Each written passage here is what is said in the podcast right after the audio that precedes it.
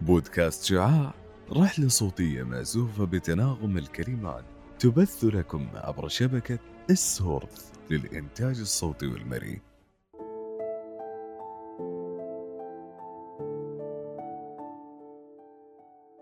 أصبح هذا العالم الواسع يطمح لأفضل نتائج المنتجات في جميع القطاعات والمجالات.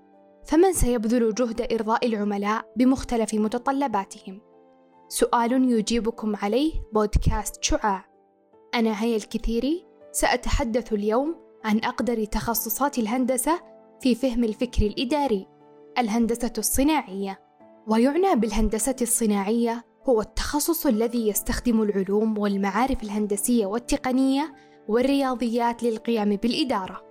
ويهتم بتطوير وتحسين الطرق والأساليب للعمليات أو الأنظمة أو المنتجات لإخراجها بأعلى جودة أو أعلى إنتاجية وأقل تكلفة وجهد ممكن سواء كان المنتج سلعة كالملابس الأطعمة السيارات وأجهزة الهواتف أو كان المنتج خدمة كالخدمات الصحية والخدمات الترفيهية.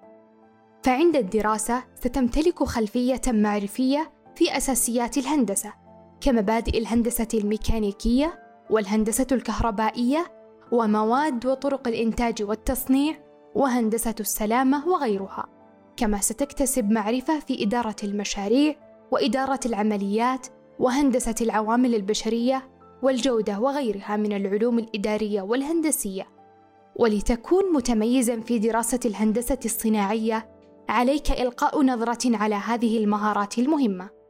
المهارات العقلية الابتكارية مهارات حل المشكلات مهارات التحليل والتنبؤ مهارات التخطيط المهارات الحسابية والرياضية المهارات التقنية والبرمجية مثل إكسل و CQL وبايثون سنوات الدراسة في هذا التخصص تبدأ بالسنة التحضيرية وبعدها أربع سنوات دراسة تفصيلية للتخصص.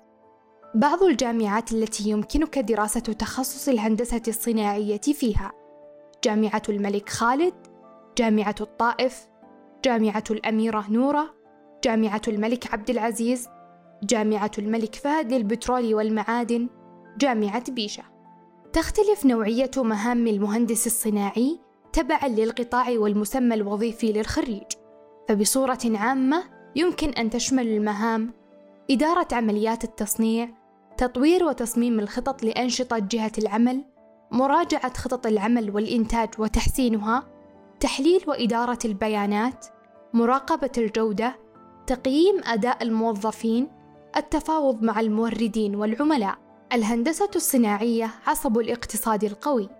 فاهتمام الدولة بهذا التخصص وتحسين جودة صناعتها بفضله يعني أن تصبح قادرة على منافسة الصناعات العالمية، وهذا يفتح لخريجي التخصص آفاقًا وظيفية واسعة، ولذلك يصعب حصر مجالات ومسميات المهندس الصناعي جميعها بسبب تطورها الدائم وتنوعها الكبير. فيمكن لحملة بكالوريوس الهندسة الصناعية العمل في القطاعات التالية: قطاع النقل والخدمات اللوجستية، البنوك والخدمات المصرفية، قطاع الترفيه، القطاع الصحي، قطاع السياحة، شركات الاستشارات الإدارية والهندسية، المطارات، القطاع الصناعي، صناعات بترولية وكيميائية، صناعات تحويلية كالصناعات الغذائية وصناعة المنسوجات والأثاث والمعدات، صناعات عسكرية، قطاع الاقتصاد، القطاع العسكري، قطاع التعليم، شركات البيع بالتجزئة، قطاع الطاقة، هيئة السوق المالية. يحظى تخصص الهندسة الصناعية بميزة التنوع الهائل في مجالات العمل، وتعدد الخيارات الوظيفية للخريج، كما أن المهندس الصناعي عادة ما يكون أقرب إلى أماكن صناعة القرار، وجهوده تعطي أثرًا واضحًا على مكان العمل، مما يجعل وجوده مهمًا في مختلف المجالات.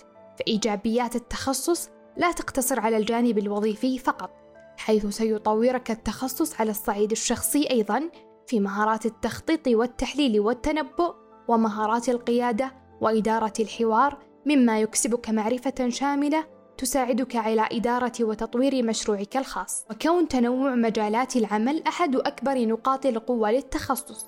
يمكن أيضا أن تكون أحد السلبيات التي تواجه الطالب حيث يصعب عليه تحديد المسار المناسب له ويتطلب منه بذل جهد شخصي للتعرف على كافة مجالات التخصص ومسمياته الوظيفية. ومن سلبيات التخصص أيضا أن الهندسة الصناعية من العلوم الجديدة على سوق العمل عموما. فقد تجد جهات أو خريجين غير ملمين بكل ما يمكن للمهندس الصناعي أن يشغله. ختاما إن كنت تهوى التميز والابتكار ولا يمكن لقدراتك أن تلبث في مجال واحد ومحدود فحط رحالك في الهندسة الصناعية ستجد مبتغاك.